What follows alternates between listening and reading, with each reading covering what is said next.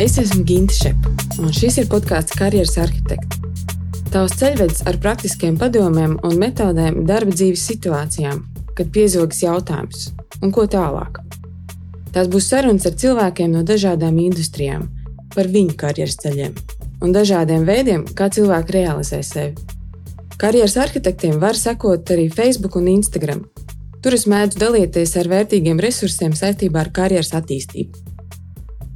Šodien mans viesis ir Kristaps Petersons. Cilvēks, kurš nāk no žurnālistikas jomas, strādājis televīzijā, radio, presē, ir izveidojis savu prezentāciju aģentūru. Šobrīd veido arī savu podkāstu Diena pēc. Tas vienam man arī interesanti runāt ar vēl kādu cilvēku, kurš šajā pašā jomā darbojās. Bet kas man ļoti personīgi uzrunāja no mūsu sarunas aizkadrā, bija Krista paziņa, ka beidzot viņš izdzīvo savu personīgo misiju proti, kopu prezentāciju un publiskās runas kultūru Latvijā un ne tikai. Par to mēs arī šodien aprunāsimies. Sveiks, Kristap! Man prieks, ka mums ir radusies iespēja aprunāties. Čau, čau, Ginte! Kā sākusies tava diena? Kā sākusies mana diena?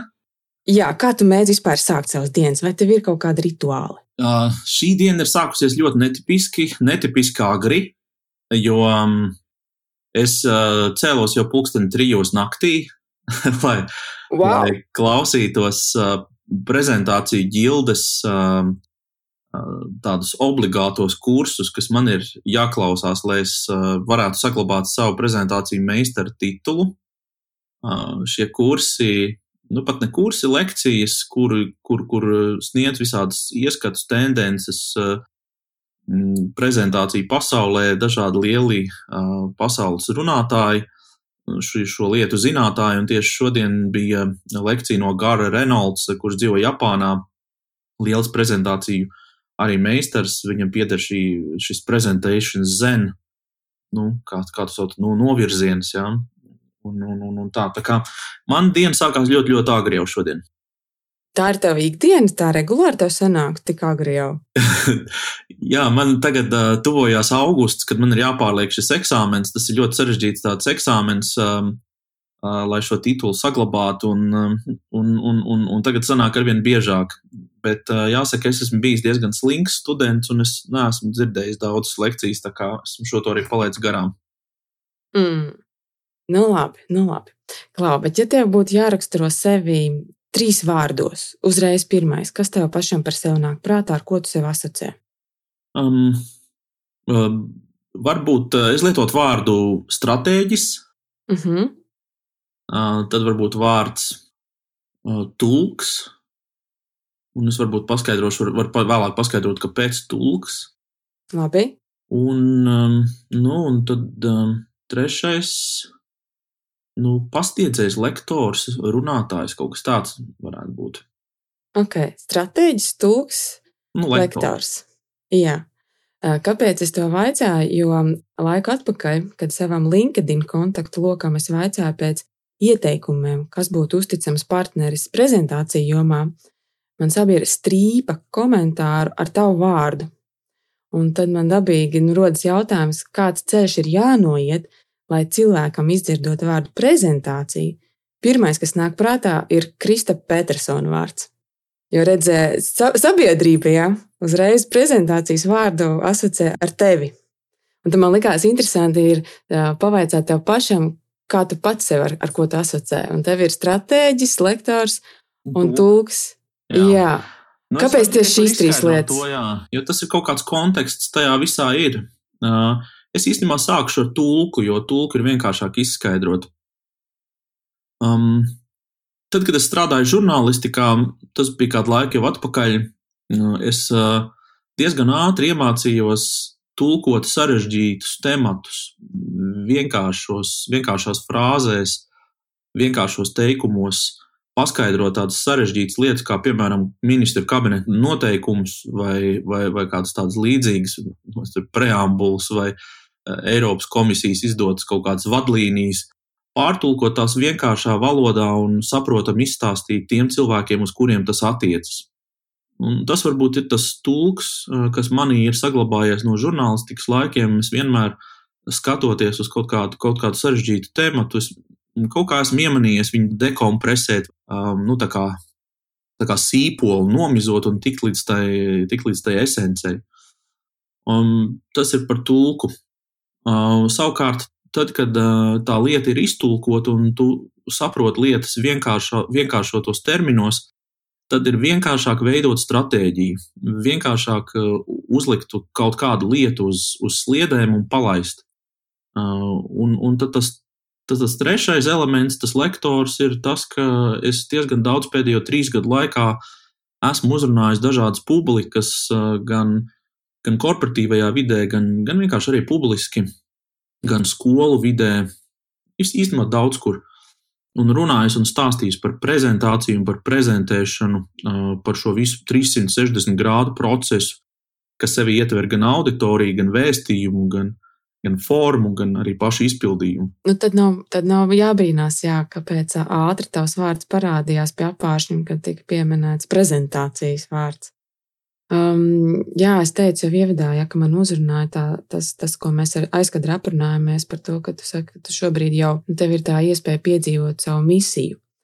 Un kas bija interesanti, vēl ko tu pieminēji, ka atšķirībā no maniem iepriekšējiem viesiem, tu zināji, ko tu gribi darīt jau 12 gadu vecumā. Jā. Jā, kā? Nu kā? Es atceros sevi 12 gadu vecumā, nu es biju, nu, nu Nu, meitene ar lēlēm spēlējos. Es neko vēl nezināju. Ko. Es varbūt gribēju būt šuvēja, bet es esmu ļoti tālu no šuvējas. Kas tu gribēji būt 12 gadu vecumā? Um, jā, 12 gadu vecumā mēs, protams, ka līdzīgi kā nu, jebkurš bērns tajā laikā daudzījāmies pa sētu, un, un mums nebija nekāda tālajoša dzīves mērķu. Bet tad kaut kā tā sakrit, ka mēs vienu no manu Čomā pagrabiem atradām diapozitīvu to atskaņotāju, kas tas bija. Tas es neatceros, kā to lietu sauc. Un tur bija diapozitīva, un mēs to rādījām uz ekrāniem, paši ļoti sajūsminājāmies par tām multenītēm, kas tur bija. Un viņas bija tā kā krieviski, tur bija apakšā tāda kri, krievu valodā nu, titri vai, vai uzraksti. Mēs ko izdomājam, ka mēs viņus tulkosim pārtulkosim latviešu un, un, un, un iesim bērnu dārzos rādīt, nu, izklaidēt bērnus. Um, un, un, un par šo iniciatīvu, nezinu, kāpēc, uzzināja vietējā televīzija, kas nesen, nesen bija nodibinājusies. Viņi atbrauc pie mums un, un, un sāk mūs intervēt un, un tā. Un tad es, protams, ieraudzīju kameras, es ieraudzīju žurnālistu pirmo reizi savā dzīvē un visu šo procesu. Man tas tik ļoti uzrunāja, ka es sapratu, ka es gribu iet darboties televīzijā. Tas viss īstenībā notika Kuldīgā, jo esmu kuldīdznieks, un, un, un, un, un tā, tā bija mazā lokālā televīzija, kur patiešām bija darbinieki tādi, nu, kas, kas paši neko īsti no televīzijas nezināja, vēl īsti nemācēja tur lielāko daļu tās lietas darīt. Tāpēc tas bija vien, vienkāršāk. Tas, ko es izdarīju, es, protams, man duša nebija, lai ietu vienam. Es savācu visus tos savus sēdes bērnus, un mēs kopā gājām ar spēku to televīziju ieņemt. Kā, es tagad to mēģinu vizualizēt. Jā, tādi. tāds arī bija. Mēs kā... Bārs 12 gadīga puiša jā, ieņemt mēs bijām skaitļi kā septiņi, tur tādi džigāni bērni, kas, kas gāja un gāja ieņēma televīziju un pateica, ka mēs gribam taisīt bērnu raidījumu. Un, um, tie pieaugušie viņi tā ļoti nu, uzņēma mūs un teica, nu, ka, jā, nu, ka, kāpēc ne, un pamēģiniet. Un, un tā, un kopš tā laika es esmu televīzijā bijis vairāk vai mazāk saistīts ar televīziju. Tagad, gan pēdējos desmit gadus, es uh, to neesmu tā ļoti praktizējis, bet, uh, bet jā. Paga, un ko jums ļāva? Kā, kāds bija sākums? Ko jūs, tie, jūs tiešām jums deva atļauju veidot savu raidījumu? Jā, mums bija bērnu raidījums Svilpe. 94. gadā pirmais raidījums bija aprīlī, kad man, kad man bija tieši 12 gadi. Es intervēju to laiku, man liekas, Olgu Rajecku un, un vēl kaut kādus cilvēkus. Es uh, turēju rokās baltu mikrofonu, man balss trīcēja, rokas trīcēja. Es pat atceros, ka es kaut kādu pulksteņu kolekcionāru intervēju. Tam pulksteņu kolekcionāram man šķiet bija mazāk gadu nekā man. Tā kā, nu jā, tas, tas bija ļoti, ļoti smieklīgi. Bet kopš tā laika patiesībā es kaut kā uh, iztēlojos, ka šī lieta ir mana, ka žurnālistika tas ir kaut kas, ko es gribu darīt, un droši vien, ka televīzijā. Mm -hmm, mm -hmm. Nu, labi. Un kā, kā tas ceļš tālāk aizgāja? Nu, kā bērns tu jau biji ielicis kājas, kāju televīzijas durvīs. Mm -hmm. Kas bija tā nākamā izvēle, kā turpināt to ceļu? Jā, nu, Kuldīgas televīzijās īstenībā paliku visu to laiku līdz pat vidusskolas beigšanai.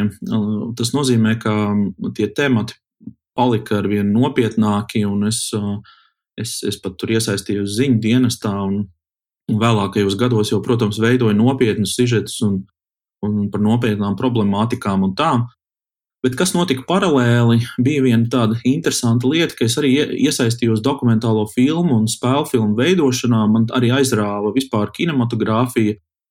Es sāku eksperimentēt kaut kādu nu, 14, 15 gadu vecumā, vietējā pulciņā. Un, un ar tīri labiem panākumiem mēs Latvijā, tā mūsu komanda, kas tur bija, dabūjām tādas augstas balvas, apbalvojumus. Un, Un tas arī deva tādu papildus motivāciju, ka, ka, ka nu, sanāk, ka laikam viss izdodas. Un tad es pilnīgi nejauši satiku vienu amerikāņu latvieti, kuram, kuram tur Amerikā bija ziņā aģentūra. Un viņš, viņ, viņam iepatikās tas, ko mēs jaunieši kuldīgā darām, un viņš ko izdarīja. Viņš paņēma un vienkārši atsūtīja mums visu savu to norakstīto tehniku, kas viņiem bija. Nu, viņiem trīs gadu veca tehnika, un viņi met ārā, viņi viņu nomaina pret jaunu. Un, um, tad, tad vienā dienā vienkārši mums uz galvas uh, nokrita dārga tehnika no Amerikas, kameras, uh, montāžas pultis, uh, mikseri, skaņu ieraksti, mikrofoni tādi, kādi Latvijā vispār nekur nevienam nebija. Var sakot, viss labākais aprīkojums, kādu, kādu var iztēloties, tāds mums vienkārši bija. Mēs noīrējām telpas, Mums bija 16 gadi, un mēs sākām veidot, producēt raidījumus, reklāmas klipus un tā tālāk. Mm, Vārds sakot, gājām tajā tematā ar vien dziļāk un dziļāk. Kā jūs zinājāt, kā, kā, kā notiek vispār nu, tāda raidījuma producēšana? Jums bija kāds, es nezinu, nu, mentors vai kāds vecākais aroda brālis, kurš tur klāt jums bija un, un ar savu padomu dalījās, ja jūs vienkārši intuitīvi, kā jūs to redzējāt, tā darījāt? Nu, periodiski mums pieslēdzās, protams, pieaugušais kāds uh, tehniskajā jomā. Tas bija Raits Valters, uh, kurš ir L, uh, LNT, tagad ne TV3 operators. Uh, viņš, uh, viņš, ir, um, viņš, viņš arī tur netālu kuldīgā, viņam ir lauku mājas, osti. Un, um, nu jā, un tad viņš tā kā pieslēdzās un palīdzēja mums tīri no tehniskās puses. Un, Un, protams, jau bija arī režisori, redaktori, kas, kas, kas kaut ko pakoriģēja un darīja, kas bija pieaugušie. Bet, bet mēs paši ļoti labi tikām galā. Mums nevajadzēja nekādus tādus pieaugušos. Mēs paši tur uh, skatījāmies, uh, kas ir tie labākie, foršākie trendi ārzemēs, un mēģinājām to visu vienkārši brutāli kopēt un, un atdarināt. Un, un nesanāca slikti. Tagad nu, droši vien, ka paskatītos tās, tos ierakstus, nu tā nebūtu tāds ļoti, ļoti liels kauns. Nu, Baigā malači, uz, uzņēmīgi puiši. Uh, tālāk arī izglītība tev ir šajā jomā? Jā, es jau īstenībā diezgan agri, kaut kādos 16 gados, sapratu, ka es gribu studēt uh, televīzijas režiju.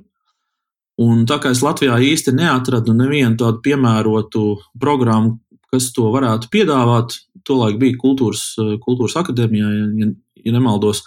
Bet tur viņi neuzņēma katru gadu, viņi tur kaut kā pa kaut kādiem gadiem tur dalīgi, es pat vairs neatceros. Bet uh, es atradu am, uh, Amerikas tādu augstskolu, kas bija Amerikas programma patiesībā uh, Igaunijā šeit, blakus Konkordijas augstskola. Kur es, jā, kur es aizbraucu un mācījos mēdījus. Un tas tolaik bija, bija ļoti dārga programma. Tur, man liekas, kaut kāda 4000 dolāru gadā bija, kas tajā laikā bija, nu, vismaz manai ģimenei ļoti, ļoti liela nauda. Un tad, nu, tā kā visi, visi saņēmās kaut kā un palaida man tai skolā. Tā kā jā, nu, tas, tas, bija tāds, tas bija tāds gājiens. Es tad četrus gadus nodzīvoju Igaunijā, un tad es to karjeru tālāk pārcēlu uh, uz, no, no kuldīgas uz nacionālo līmeni, kad es pieteicos vienkārši Latvijas televīzijā, ka es gribu būt viņu Igaunijas korespondents. Un tad viņi man tā arī uzņēma. Es arī paspēju laikrakstā dienu pēc tam strādāt, un, un es to darīju tā diezgan pat ilgstoši. Jā, tā kā, nu, tas, tas, tas bija tāds laiks, kad tas studiju laiks vairāk vai mazāk aizritēja 50% mācoties un 50% sekojot līdzi Igaunijas nu, politikai, ekonomikai, kultūrai un tā tālāk. Un tā tālāk. Klau, es, es, nu, es esmu ļoti tālu no žurnālistikas jomas, un tā man varbūt tāds amatieru vispār priekšstats par to vidi, kā tur notiek, bet man interesē, kas tev personīgi tajā jomā ir visvairāk aizrāvis. Nu, mans priekšstats ir tā, ka tur ir daļa kaut kāda nu, tēmas stāsta meklēšana, tāda izpēte, analīze. Tad tev tas stāsts ir kaut kā jāizveido, jāiepako, un tad ir tā, nu, nezinu, ražošanas procesa pēcapstrādē. Kas ir, kas ir tavs tas lauks, kur tev pazūd laiks? Es domāju, ka tieši tas stāsts, tieši tā stāsta struktūra, veidošana man vienmēr ir interesējis. Nevis uztaisīt parastu sižetu pēc kaut kādiem šabloniem, bet, uh, bet tieši likt iekšā tur dažādus elementus. Nu, nu, piemēram, es atceros, ka mm, man bija intervija ar uh, savulaik um, Latvijas Bankas prezidentu Ilmāru Ševiču. Un um, tā vietā, lai, lai sēd, viņš sēdētu pie galda, Es pateicu, nu, ka mēs labprāt viņu nofilmētu vienkārši mašīnas aizmugurējā sēdeklī. Mēs eh, kameru noliekam priekšā, un, un, un es sēžu viņam blakus, un mēs runājam. Vienkārši mēs braucam pa pilsētu, un, un, un sēžam mašīnā un runājam par ekonomiku. Tas ir vienkārši neordinārs, interesants veids, kā, kā, kā varbūt eh, to viedokli pasniegt. Jo tas uzreiz cilvēkiem pievērš uzmanību. Viņi, viņi redz, ka tas ir kaut kas citādāks nekā onkulis sēž aiz galda Nu tā, nu tā kā es visu laiku mēģināju atrast un meklēt, kā es tam stāstam varu piešķirt uh, kaut kādu interesantu skatījumu leņķi. Un tas, protams, ir tā, tas ļoti daudz, kas ir aizgūts no Amerikas uh, žurnālistikas skolas, kur var pavērot, kā piemēram tiek veidoti Amerikas sabiedriskā mēdīja pētnieciskās žurnālistikas uh, dažādi gabali. Un tad es, jā, no tiem iedvesmojoties, es ļoti daudz ko, daudz tos stāstus liku kopā. Bet, ja man tā vienā vārdā jāatbild, tad tas noteikti ir stāsts. Tev ir kāds uh, spilgts notikums uh, laikā, kad tu biji panorāmas žurnālists? Oi, man ļoti daudz spilgtu notikumu bija. Uz, yeah, no kur galva varētu sākt? man, nu, man tas uh, moments, kas, kas vienmēr visu cilvēku sajūsmina, bet kas man pašam varbūt nešķiet tik, tik ļoti būtiski, ka es uh, savas karjeras laikā es paspēju, es esmu ļoti daudz tādus nu, pasaulē ietekmīgus cilvēkus uh, intervēt, kā piemēram Billu Clintonu vai, vai, vai bijušo Izraels prezidentu Šimonu Peresu, vai, um, nu, es nezinu, tur var saukt un saukt uh, visādus Nobel prēmijas cilvēkus un, un, un autors un mūziķus, piemēram, ar, ar Stingu. Mēs esam sēdējuši un ēduši pusdienas kopā, un vienlaikus mm -hmm. es viņu esmu intervējis. Tā kā ir, nu, var sakot, ir interesanti, interesanti piedzīvojumi tajā laukā, protams, bijuši. Bet kas vēl varbūt, kas man varbūt ir tāds, tāds stāsts, ko es varbūt arī jauniešus šeit, kad uzrunāju, motivēju, kad es, man bija 18 gadi. Rīgā bija 800 gadu svinības, un, un bija tāds CNN raidījums World Report. Es nezinu, vai viņš joprojām tas raidījums eksistē un pastāv, bet uh, toreiz no visas pasaules reportieri sūtīja savas ziņas, un, un CNN viņas rādīja. Un tad bija tāds viens moments, ka tieši Rīgai viņi bija veltījuši speciāli, man šķiet, visu raidījumu. Un tad bija tā, ka tur bija dažādi sižeti, ko arī man kolēģi bija veidojuši, bet uh, bija viena īsa dzīvā pieslēgšanās Rīgai, kur bija intervija ar uh, tā laika Rīgas mēru. Un uh, tā nu gadījās, ka, ka to interviju vadīja 18-gadīgais Kristaps, kurš bija, protams, pārbījies kā dieks trīcēja. Ja, nu, bet, jā, un, un faktiski 18 gadu vecumā CNN tiešraidi nu, kaut kāda 20 miljonu auditorija, cik viņiem to laiku bija. Tas bija tāds, man likās, nu tā, tagad es esmu sasniedzis savus griestus. nu, nav slikti klausīties 18 gadu Jā, vecumā. Nu, tas, ir, griestus. tas ir stāsts par to, ka noder tas, ka tu jūties labi par savu angļu valodu. Jo Jo, jo pārējie kolēģi man šeit bija nobijušies drusku no tās, no tās angļu valodas ka viņam nav tik laba tā valoda un tā, bet nu, es tam visam nepievēršu tik lielu uzmanību. Vienkārši darīju savu darbu. Nu, labi, nu, klausies, nu, kas bija tava nākamā pietura pēc, um, pēc panorāmas? Jā, nu, es, um, es, es, starp citu, es tā kā tajā Igaunijas laikā, pēc sanāca, ka es strādāju laikrakstā diena, un tad es atgriezos Latvijā, un es, es kādu laiku pastrādāju laikrakstā dienu. Es uh, biju ekonomikas žurnālists, un, un tajā, tajā brīdī man pavērās pilnīgi jauna dimensija, jo es sāku mazliet tā kā specializēties. Žurnālistikā ir tā, ka tu vari būt reportieris, kurš uh, vienu dienu ir cūkūtī un nākamajā dienā prezidenta pilī, Bet nu, man, man kaut kā likās tas pārāk plaši, un man pat ļoti patika tas, ka, ka, ka, ka es sāku kaut kā specializēties. Un ekonomika, biznesa tēmas man, man, man kļuva par tādu ikdienu, tādu mīļo tematu. Nu, lūk, un tad es strādāju laikrakstā dienu, un tad sākās traknie gadi, un, protams, ka visi skrēja pelnīt naudu, tā skaitā arī es, bet tas, ko es izdarīju, es sāku producēt raidījumus un arī veidot raidījumus, bija tāda radoša apvienība Hansa Mēdija, kas, kas veidoja tāds raidījums kā Futūra šoks, kā viss notiek. Savulaik bija tāds raidījums arī kā, kā bankā. Tur daudz dažādu ģimenes banka, bija visādi raidījumi, kas, kas tagad man šķiet vairs neviens neeksistē, bet tolaik tie bija ļoti populāri un, un tos cilvēki skatījās. Un, jā, un es biju gan režisors, gan redaktors, gan, gan dažus no tiem raidījumiem arī producēju. Eh, paspēju paceļot apkārt eh, pa pasauli, redzēt daudz ko. Mēs faktiski tajā laikā, kad bija šie traknie gadi, ļoti labi tērējām Eiropas naudas un braucām apkārt tur pa, es nezinu, Ķīnu, uz Ķīnu braucām, uz visu Eiropu apceļoju krustu šķērs, izbraukājām, veidojām sižetus stāstus. Pabiju daudzās valstīs, kur ievies eiro, piemēram, tai pašā Slovenijā, Maltā, kur vēl Igaunijā. Jā, var sakot, tas bija tāds, tas bija tāds interesants laiks. Un tad, kad, tad, kad jau jūta, ka tā ekonomika tūlīt, tūlīt pagriezīsies uz otriem sāniem, tad mani uzrunāja Arnis Krause, un aicināja un teica, nu, ka mums kā reiz Latvijas televīzijā panorāmā šobrīd pietrūkst uh, spēcīga ekonomikas apskatnieka vai korespondenta, un tā es atkal atpakaļ nokļuvu panorāmā, un, un es kaut kādus 3-4 gadus vēl paspēju pastrādāt panorāmā, vēl tā kā finālā.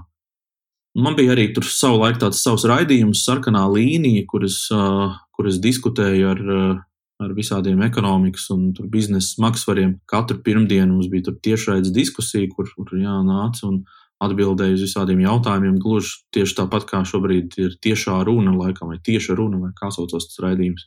Nu, tā, Tā kā tas bija tas mans eh, žurnālistikas ceļš, un pēc tam jau, protams, eh, es, no, es sapratu, ka žurnālistika droši vien ka vairs nav domāta man, ka es esmu sevi drusku mazliet arī izsmēlis, un ka viss, kas, nu, vis, kas no manis turpmāk būs žurnālistikā, visticamāk būs uh, lietu atkārtojums, un nebūs tāda liela izaugsme tajā visā.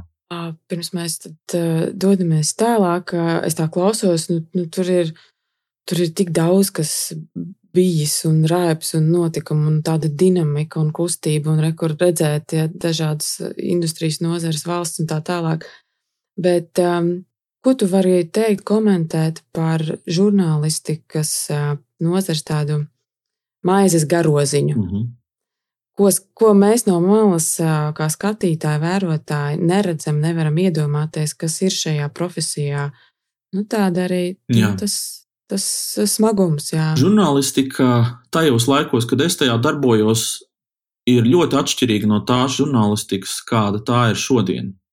Mm, jo, ja kādreiz bija notika tāda specializācija, tad tagad neviena redakcija nevar īsti atļauties vairs specializētus žurnālistus, un, un visiem ir jādara viss. Un, un, un tagad tu esi vienlaikus gan operators, gan montētājs, gan intervētājs, gan nu, tu esi cilvēks robots. Ja tu tāds neesi, tad tu droši vien nederēsi tai redakcijai.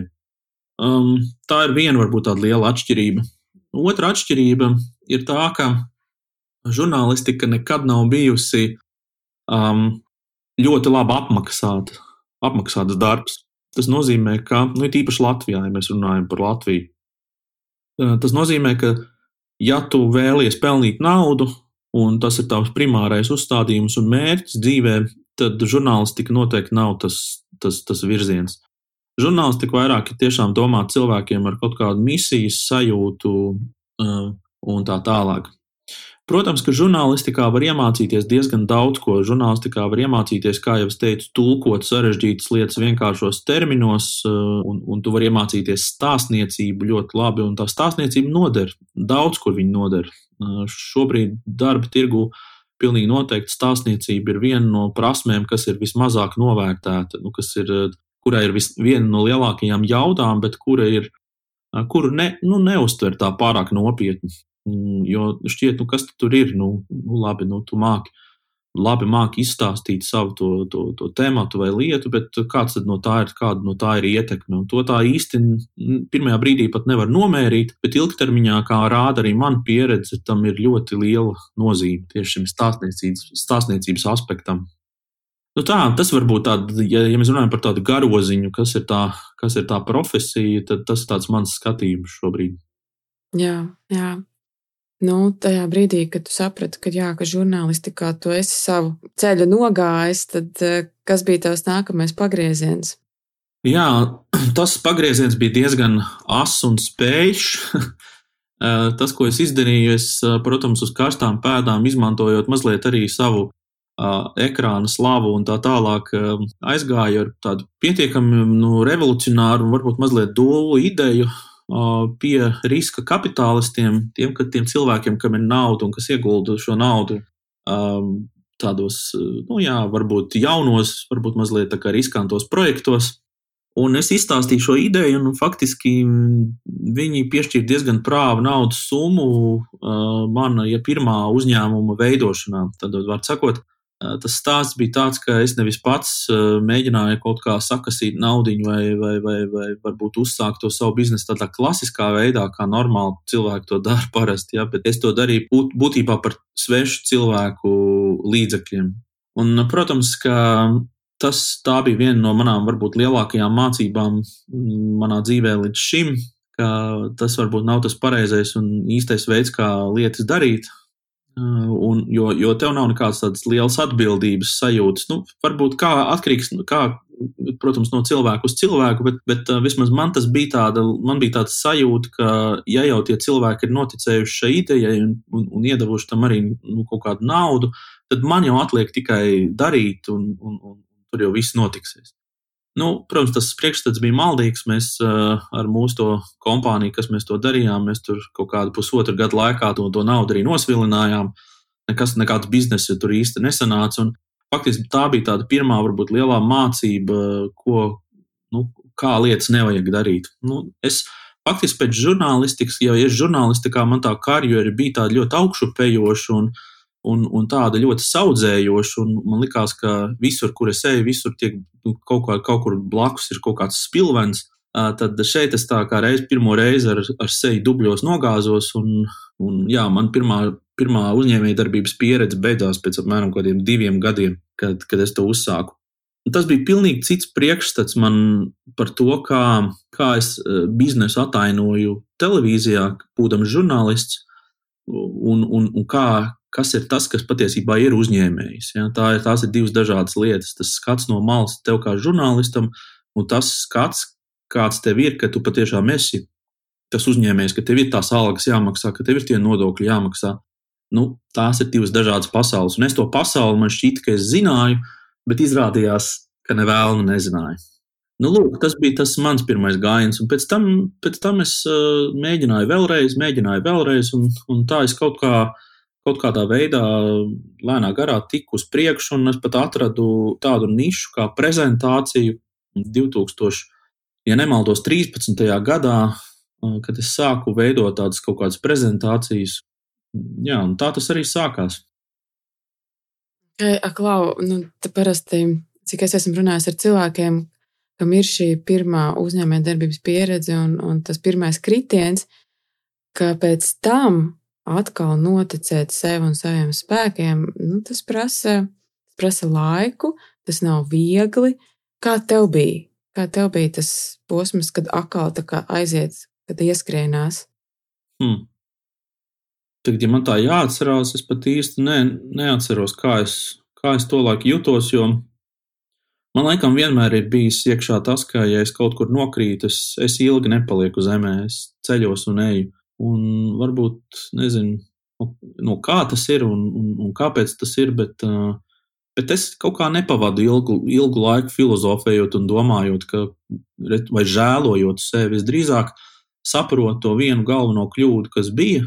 Mm -hmm. Parunājos ar cilvēkiem, un vienmēr apkārt tev ir cilvēki, un viņi jau dod tev varbūt to enerģiju, viņi varbūt tev piešķir to kaut kādu vēl jaunu ideju, kaut kādu jaunu, nezinu, paskatīties uz lietām mazliet no cita leņķa. Un tad ir vienkāršāk, un tad ir vieglāk.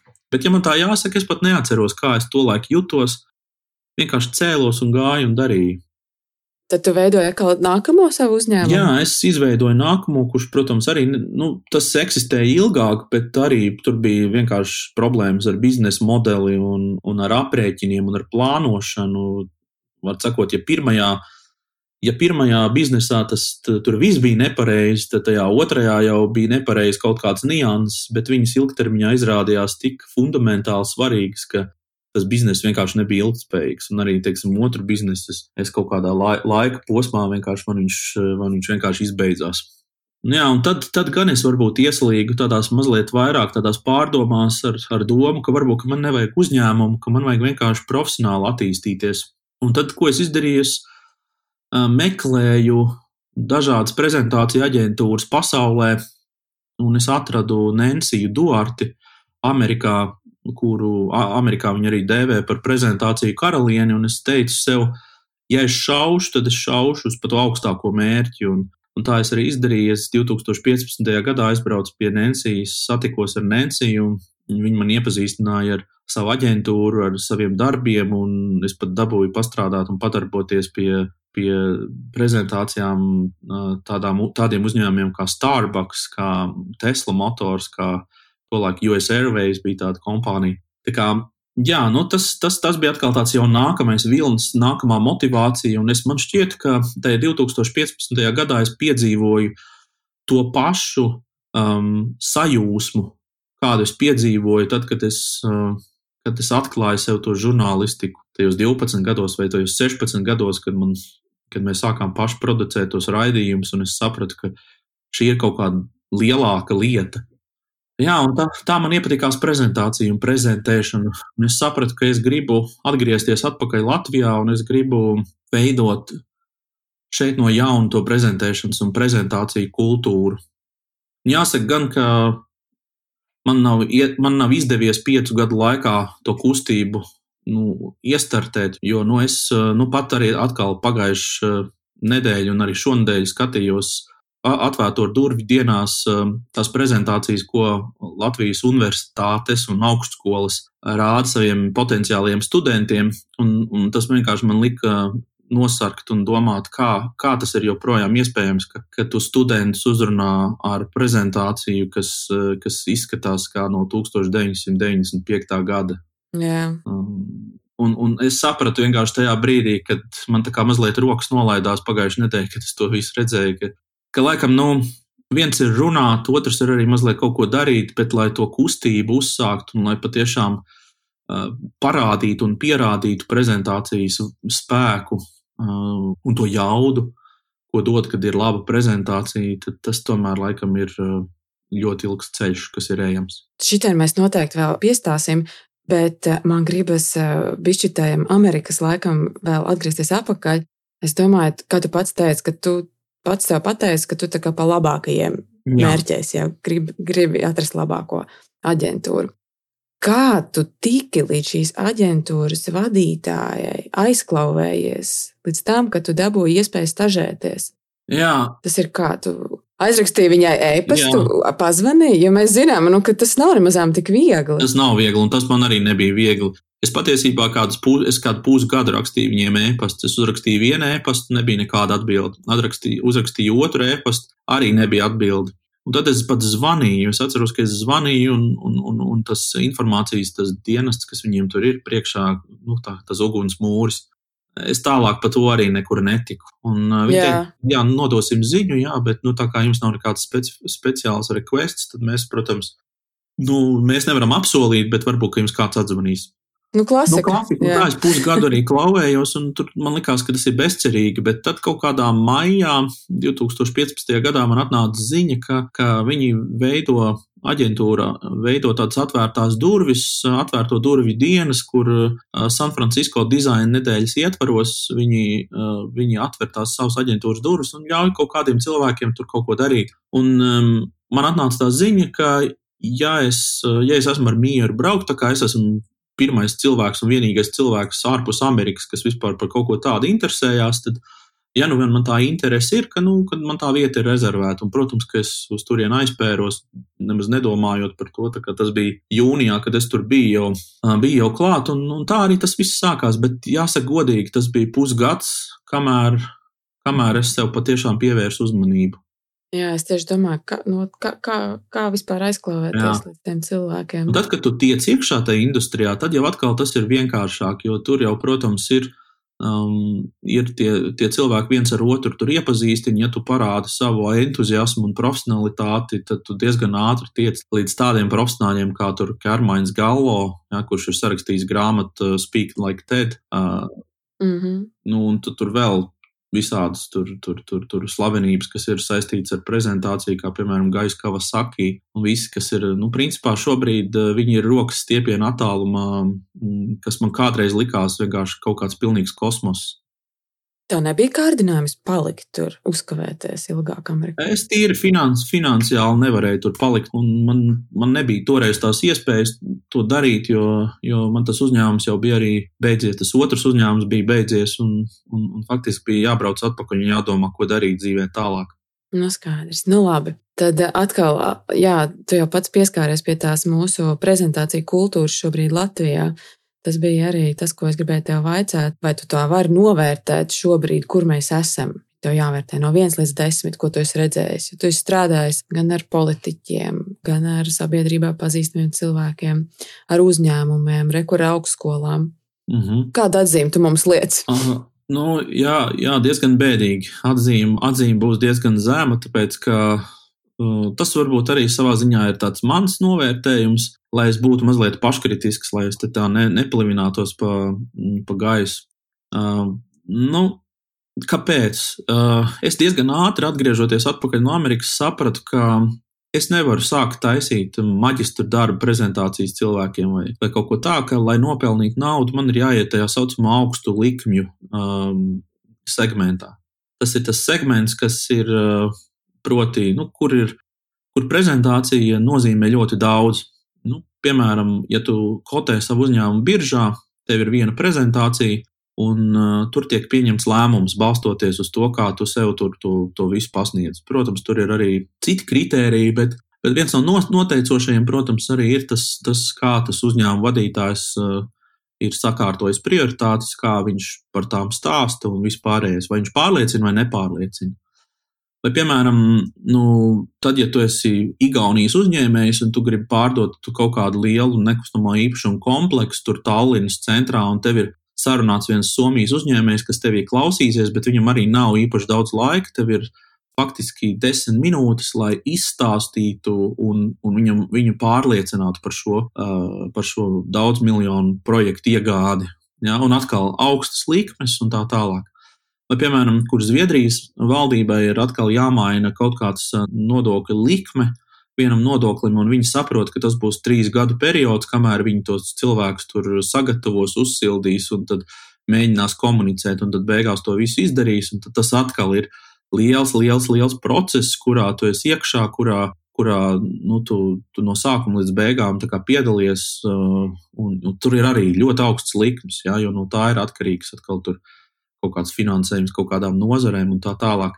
Tā kā es ķēros klāt uzreiz tādiem lieliem projektiem, un es atstāju novārtā uh, to, ko, to, kas ir tās ikdienas prezentācijas. Tās prezentācijas, kas ir šīs korporatīvās prezentācijas kompāniju iekšienē, tās prezentācijas, kas jau ir tās manas minētās maģistra darba prezentācijas, vai pat arī skolās, ko skolotāji rāda skolēniem kas ir tās lietas, ko viņi stāsta, ko viņi prezentē, kā, kā viņi pasniedz, kā viņi iemāca ja, bērniem kaut kādas lietas. Un šis viss, protams, mani interesēja sekundāri.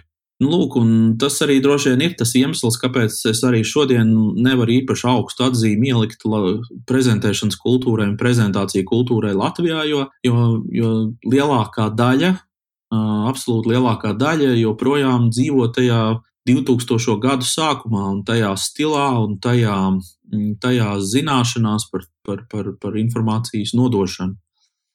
Nu, lūk, un tās lekcijas, tās lekcijas, ko es minēju sākumā, tās, kuras es varbūt esmu lasījis pēdējo trīs gadu laikā, vai, vai mēģinājis stāstīt cilvēkiem kaut ko par prezentāciju. Tās ir bijušas tādas, man liekas, ļoti labas, motivējošas, varbūt izklaidējošas, kur tur rādi visādas labās prakses piemērs un tā.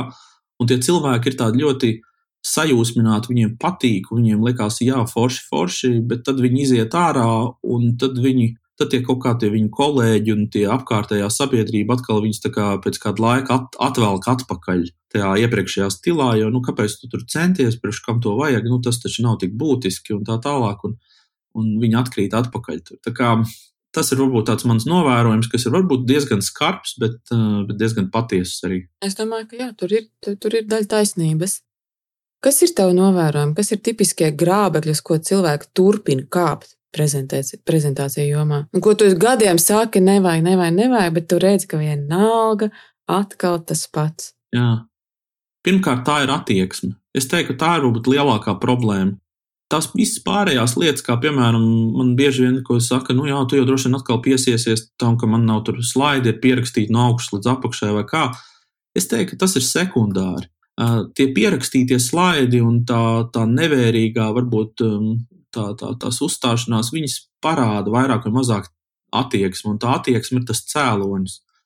Un tad, ja mums ir attieksme pret mūsu auditoriju tāda, ka man ir īstenībā diezgan vienalga, tad, ehm, tad tas izpaužās šajā prezentācijā. Un, un man, piemēram, es, nezinu, es gadu no gada novēroju to, ka, piemēram, augstskolas saka, ka oi, mums ir jācīnās par katru studentu, mums ir jācīnās par katru studentu.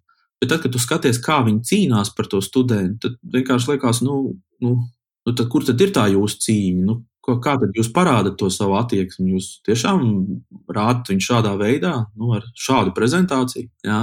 Tas ir tikai viens tāds uh, pēdējais, kas man, tas man vienkārši stāv prātā.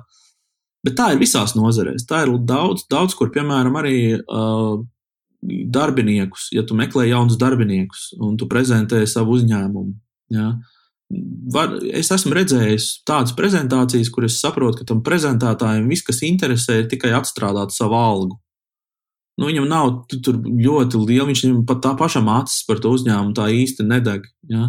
Un arī tiem, kam deg, ja? tad, kad es esmu padziļ, iegājis dziļāk un paskatījies, kas notiek tālāk, ka, tās, ka tie cilvēki, kas ir nu, pieņemti darbā, un tās tālāk ir atkal tā saucamās onboarding prezentācijas, ja? kur, kur, kur tev stāsta, kāda ir tava pienākuma, kāda ir tā mūsu misija, kāda ir mūsu kultūra. Nu, viss šīs te, tu, tu droši vien zini, vai ne, onboarding process. Mm -hmm. Zinu, zinu. Ir mums tādas prezentācijas. Jā, arī, nu, jā.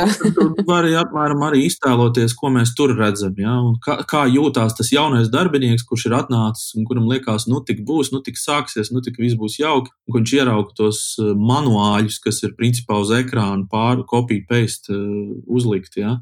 Jā, nu jā, tas ir tāds, par ko es varētu stundām un dienām runāt. Es domāju, tur tie piemēri ir dažādi. Jā, un tad, jo augstāks ir tās likmes, jo tu, protams, sāc vairāk domāt, un tad pēkšņi arī atverās maks, un tad pēkšņi arī ir vajadzība, un tad viss, ir, viss pēkšņi notiek. Ja, jo cilvēkiem pamainās attieksme tajā brīdī, kad viņi saprot, ka es šo te nedabūšu, ja es nebūšu nu, tas pats labākais, tas pats perfektākais starp visiem kandidātiem. Jā, jā, es tieši domāju, ka tāds praktisks arī jautājums, nu, kā tu teici, strādā ar, ar, ar prezentācijām, kur tās likmes ir augstas, un bieži vien tev ir tikai varbūt tur 3 līdz 7 minūtes iespēja to savu ziņu nodot, tad eh, kas ir tas laiks aptuveni, ko tu ieguldi šāda tipa prezentācijās? Nezinu, 5 minūšu prezentācija, bet cik ir tas aizkulisēs pavadītais laiks? Hmm. Šis ir tāds labs jautājums, jo tās var būt, tās var būt īstenībā dažas dienas, un tie var būt arī 18 mēneši, kā ir manā gadījumā bijis, piemēram, ar, ar kaut kādu produktu ieviešanu mm, starptautiskā līmenī. Farmācijas kompānija grib savu lielo kaut kādu produktu launchot vai, vai palaist, tad, tad, protams, tā gatavošanās ir ilga, un tur tie mēģinājumi ir, ir, ir, ir bezgalīgi. Bet Bet ir arī bijušas situācijas, kur tev ir augsts likmes, tev nav daudz laika, un tev ir jāsavācās, un tas jāizdara varbūt dažu nedēļu vai varbūt pat dienu laikā. Ja? Tas ir visādi var būt. Jā. Bet tas tāpatās, nu, es domāju, tā, tā, tā attiecība, ja, ka tev ir tava, tavs ēters ir piecas minūtes, bet tu tām piecām minūtēm, cik tu esi gatavojies, rekur dienu, nedēļas vai pat mēnešu. O jā, o jā. Tā, tādā ziņā, protams, es, jo, jo tev ir, nu kā Vinstons Čērčils ar to ir teicis, jo tu gatavo runu, kas ir, kas ir parlamentā un būs uz stundu un vairāk, tad tu vienkārši ej un runā, bet tajā brīdī, kad tu gribi pateikt īsi kaut ko, tad tu tam gatavojies ļoti, ļoti ilgi. Tas, tā patiesība nekur nav zudusi. Tāda viņa arī ir. Un, piemēram, mēs vienmēr, arī, kad skatāmies tās korporatīvās prezentācijas, viens no piemēriem, mūžīgais piemērs ir Steve's Jobs, kurš savām slavenajām kinotu prezentācijām arī gatavojās nedēļas. Ja?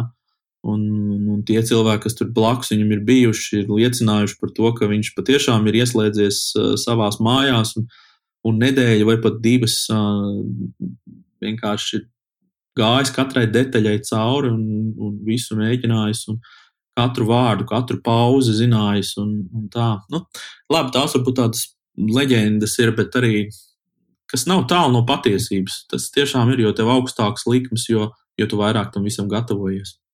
Vai tu vari padalīties, kas šobrīd eh, ir tādi izteikti trendi prezentāciju jomā? Oi, šis arī ir jautājums. Oh. Atvēru lādi.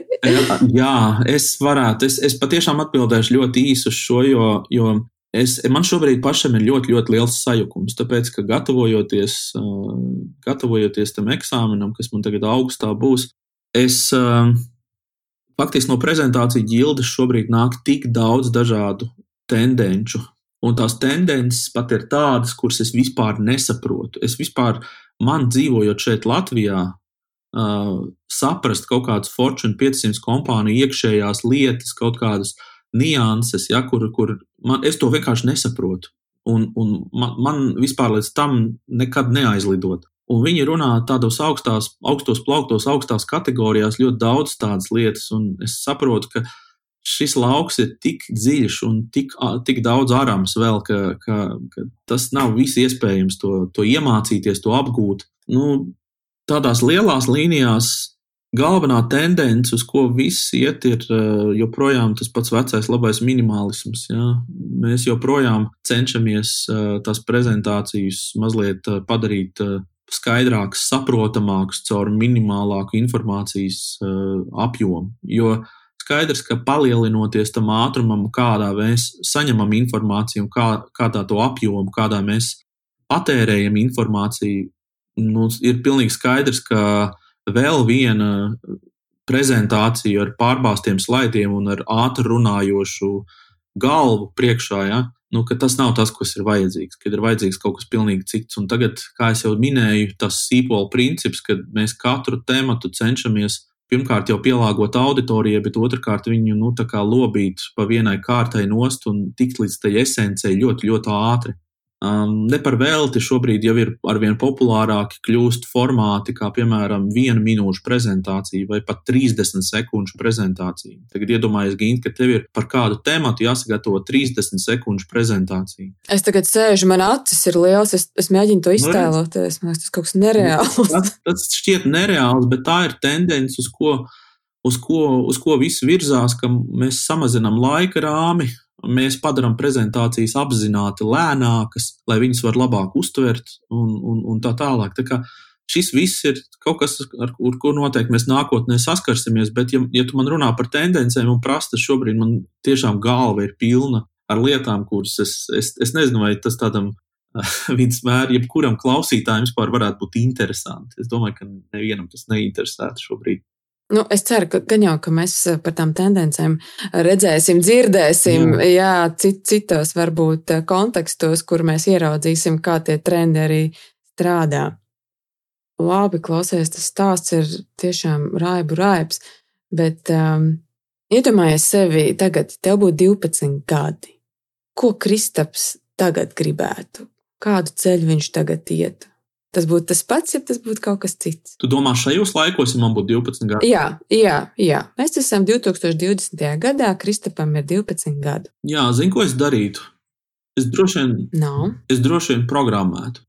Kāpēc? Es, eh, kā lai to saka, es droši vien, ka visticamāk eh, ietu līdzi kaut kādām lietām, kas jau pasaulē eksistē un kur es redzu, ka pēc kā varētu būt pieprasījums. Un, un jāatzīst, ka programmēšana varbūt ir viena no lietām, kuras esmu vienmēr gribējis iemācīties, bet kuru man joprojām nav īsti, īsti sanācis pamēģināt un papraktizēt. Un es izstāstīšu, kāpēc. Man šķiet, ka šobrīd arī Tu savos podkāstos esi, tavi viesi ir minējuši daudz to, ka programmēšana, vispār IT lietas ir ļoti, ļoti būtiski šobrīd darba tirkumu, un, un ka tas ir tāds, nu, tā ir tāda viena, viena garantētā profesija, kur tu zini, ka tev vienmēr iztika, iztika būs, un, un, un, un ja tas tevi interesē un aizrauja, tad tā ir lieta, kur būt. Bet es uz to visu skatos mazliet no cita aspekta. Man, piemēram, šķiet, ka veidojās šobrīd pasaulē tāda jauna varas elite, ka pie, pie tā, ka šobrīd pasaule ir tik ļoti um, nu, nenoteikta, ka politiķi nezina, ko darīt, kā vadīt, ka mūsu šie viedokļu līderi ir apjukuši savos tur, tur tendencēs par to, kur pasaule iet. Un tas ir tikai tāpēc, ka ir veidojās šī jaunā varas elite, kas ir šie nu, Marki Zukerbergi, kas ir šie Iloni Maski, Džefi, Bezosi un tā tālāk. Es, es viņus vienkārši kā īpašības vārdus vairāk lietoju nekā, mm. nekā personas. Tie ir cilvēki, kas būs, kas, kas valdīs pār pasauli turpmāk. Un tie cilvēki, kuri mācīs programmēt un, mācē, un būs šie, tie, tie, kas runās šajā valodā, es pat to programmēšanu nosauktu par valodu ja, ja es, piemēram, sakam, ka šobrīd ļoti, ļoti svarīgi ir angļu valoda, tad uh, programmēšana un mācī, mācīt programmēt ir kaut kas, kaut kas tāds, kā mācīt angļu valodu būtībā jau šodien. Un, un tie, kas to nemācīs darīt, tie būs nākotnē tie trešās klases pilsoņi. Kāpēc es to saku? Es mazliet arī atsaucos uz Aleksandra Bārta un Jāna Sederkvistu tādu teoriju par netokrātiju, jeb jauno varas eliti. Kad tas, kā kādreiz bija, ka tad, ja tev piederēja zeme, tad tu varēji dabūt vergus un, un, un tie vergi strādāja un radīja tev produktu, un tu pārdevi, un tu kļuvi bagātāks, un vergi kļuva uh, apspiestāki. Ja? Tad šobrīd veidojās jauna, līdzīga situācija, kur, kur digitālo prasmju cilvēki būs tie, kas vadīs. Un, un, un tā, un pat arī tad, ja tu mācies programmēt, nav, nav teikts, ka tu būsi šīs varas elites augšgalā. Tu būsi tāds pats strādnieks, tāds pats darbinieks, kāds, nu, kād, kā mēs esam šodien. Bet uh, tu noteikti negribēsi būt uh, trešās klases pilsonis. Tas, kurš neko nezinās, tas, kurš neko nepratīs šajā jomā, uh, jeb to, ko tas de deplorables, jā, tas, ko viss šķaudīs virsū. Tāpēc, ja man būtu šobrīd 12 gadi, es droši vien zinātu tās tendences, es, es, es uh, ceru, ka es zinātu tās tendences, kādas tās ir. Nu, kaut ko mēģinot lasīt, klausīties no vecākiem, skatoties, un es, es ietu šo ceļu. Es īstenībā ieteiktu jauniešiem tiešām apgūt, apgūt šo lietu, ja tas ir viens ieteikums no manis. Ļoti labs komentārs. Jā, liekas, ka te, tur ir taisnība, kad par to varas eliti, jā, un kas tad būs tie augšgalā un, un kādā valodā viņi runās un pārējās lietas, kad jā, es tev varu pilnībā piekrist. Jā. Um, nobeigumā man te jautājums, um, nu, tu esi atradis savu misijas ceļu, un izskatās, ka tu tu ļoti labi ar to jūties, un tu, mēs arī pirms tam runājām, ka tā tev dod tādu brīvības arī sajūtu. Jā. Ko tu varētu ieteikt cilvēkam, kurš vēl nav atradis savu, savu patieso aicinājumu vai misiju? Vai tev ir kāds padoms? Um, jā, es, uh, es varbūt, ja, ja divos tādos divās daļās to mazliet sadalu, tad viens, ja runājam par karjeru, otrs par izglītību. Tad, tad ja mēs runājam par karjeru, tad uh, es vairāk aicinātu cilvēkus sekot līdzi tai savai sirdsbalsī.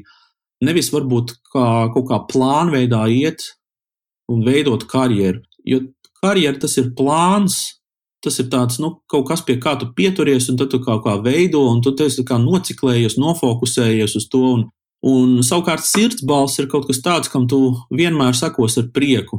Un, un tas varbūt ir tas, kas manā gadījumā ir nospēlējis par labu, ka es varbūt netik daudz esmu fokusējies uz naudu, un nu, līdz ar to tāpēc droši vien arī naudas nav tik daudz, kā gribētos, bet, bet vismaz ar to man ir labi, ka es esmu sekojis tai savai sirdsbalstī. Tas ir par karjeru runājot. Savukārt par izglītību. Um, Man šķiet, ka izglītība šodien, mūsdienās, ir tāda ļoti pārvērtēta lieta, tāpēc ka man, man vispār šķiet, ka augstskolas kā modelis tā ir tāda izmirstoša parādība. Un, un, uh, man šķiet, ka, drī, ka, ka pavisam drīz uh, šīs augstskolas pildīs pilnīgi citu funkciju, nekā viņas to dara tagad. Tās strādās vairāk kā akceleratori vai kā tādi pātrinātāji, tās pildīs varbūt kaut kādu tīklošanās, ja tā saucamo networking funkciju, jo patiesībā izglītību tu daudz ērtāk, ātrāk un kvalitatīvāk vari, uh, vari iegūt ārpusē. Nu, es, piemēram, esmu tam dzīves pierādījums, jo, piemēram, savu maģistru un dok doktoru grādu es, es, es esmu dabūjis šajos prezentāciju ģildes kursos un lekcijās, redzot un, un iepazīstot to, to, kas ir. To, kas ir pasaulē šobrīd aktuāls, jo neviena augstskola, un es, Es uzsveru, neviena augstskola, pat visdārgākā augstskola, man nevar iedot tos šodienas uh, aktuālākos trendus, jo tie nāk vienmēr ar kaut kādu inerci. Savukārt, ja es gribu to pašu, pašu svaigāko, tad man ir jāmācās no industrijas un jābūt tajā industrijā. Varu tikai piekrist, ka tie saucamie angļuiski saka on demand mācības, kursi, vienalga, kā, nu, kā, zem kādiem nosaukumiem tie iet, Viņi tikai pla ies plašumā un, un, un būs ļoti spēcīga konkurence klasiskai izglītībai. Jā, nu, man liekas, tiešām augstskolas vairāk būs tie akceleratori, kuros mēs ātri sanāksim kopā, ģenerēsim ideju. Tur, nezinu, 48, 72 stundās mēģināsim dabūt kaut kādu uh, šo minimālo produktu, ja, MVP, un tad laižam. Un atkal, vai nu tas ir tāds tīklošanās, jo, piemēram, tie, kas ir ielikumi, tie, kas ir gājuši kaut kādās Harvardās, Jēlās un, un Oksfordās, uh, viņi man paši ir teikuši, ka tas vērtīgākais netik daudz ir bijusi izglītība, ko viņi ir ieguvuši, kā tie kontakti, ar kuriem viņi uh, ir bijuši kopā. Ka tas ir tas, kas tev to karjeru un to ceļu pavēr plašāku, ja tu zini uh, tos um, savus, nezinu, kursa biedrus, un viņi tev palīdz daudz ko izdarīt, un tu palīdzi viņiem, un veidojas šis tīkls, un tādā veidā tu tiec uz priekšu un uz augšu. Latvijā arī ir skolas, kur tas ir tā ļoti izteikti novērojams. Ja, piemēram, Zviedru augstskola, ja, kur ir sava mazā komūna un šūna. Ja, un tad ir Rīgas valsts pirmā gimnāzija, kas ir savs, sava šūna. Ja. Tā kā, to jau var redzēt un novērot arī mūsu, mūsu apstākļos. Var, jā. Nu, Klau, Kristop, milzīgs paldies tev par tavu krāsaino pieredzi. Nav par ko prieks bija, prieks bija izstāstīt. Tu esi tas viens no retajiem stāstiem, kad jau no bērnības cilvēkam ir skaidrs, kādu ceļu gribas iet, un tu neatlaidīgi to esi turpinājis. Par spīti tur kaut kādiem apstākļiem vai, vai, vai paklupieniem, bet tāpatās. Paklupieni būs. Ar tiem ka tas būs. Un, jā, jā, un tas jā. būtu ļoti dīvaini, ja nebūtu. Jā, jo tas, tad man šķistu patiešām, ka kaut kas ar mani nav kārtībā. Ja es būtu nodzīvojis mm. līdz saviem 39 gadiem un, un, un, un darīs to bez paklupieniem. Nu jā, nu jā. Es gribu tev novēlēt, turpināt tavu misijas ceļu, lai prezentācija kultūra gan Latvijā, gan vispār pasaulē kļūtu ar vien labāku un baudāmāku. Un tagad dzirdot to, ko Kristaps, 12-gadīgs zēns, šodien darītu, tad vēl es tev gribu novēlēt, nu varbūt pamēģini to programmēšanu. Jo Bet, eh, zini, mūsu, mūsu tagad šīs paudzes darba stāsts, kā tiek iezīmēts, ka mums būs eh, jāstrādā nu, līdz 80 gadiem. Un paskaties, nu, cik laika vēl priekšā, un kas zina? Zini, ko Ginte, es darīšu tā, ja es nenokārtošu to eksāmenu augustā, tad es, tad es ķeršos šim klāt, jo tam būs daudz laika. es turēšu tev pie vārda, šī ir publiska apņemšanās. Es tiešām te, es tev novēlu gan to eksāmenu nokārtot. Eh, un, un, un, un, un ar visu to varbūt būs atradīsies laiks arī programmēšanai. Lai tev viss izdodas. Paldies, paldies arī par to darbu, ko tu dari. Es pats kā podkāstu radītājs, veidotājs, es zinu, ko tas nozīmē un, un cik īstenībā tas darbs ir ir nu, nesarežģīts, varbūt, bet dar, laikietilpīgs un darbietilpīgs. Tā kā liels tev paldies arī par tavu foršo iniciatīvu un, un pienesumu mūsu informācijas telpai. Paldies, paldies! Un tev, klausītāji, es novēlu līdzīgi kā Kristapam, atrast to savu īsto lietu un baudīt brīvību, ko sniedz misijas apziņa. Un lai mums visiem saulaina diena šodien, tiekamies pēc nedēļas. Atā!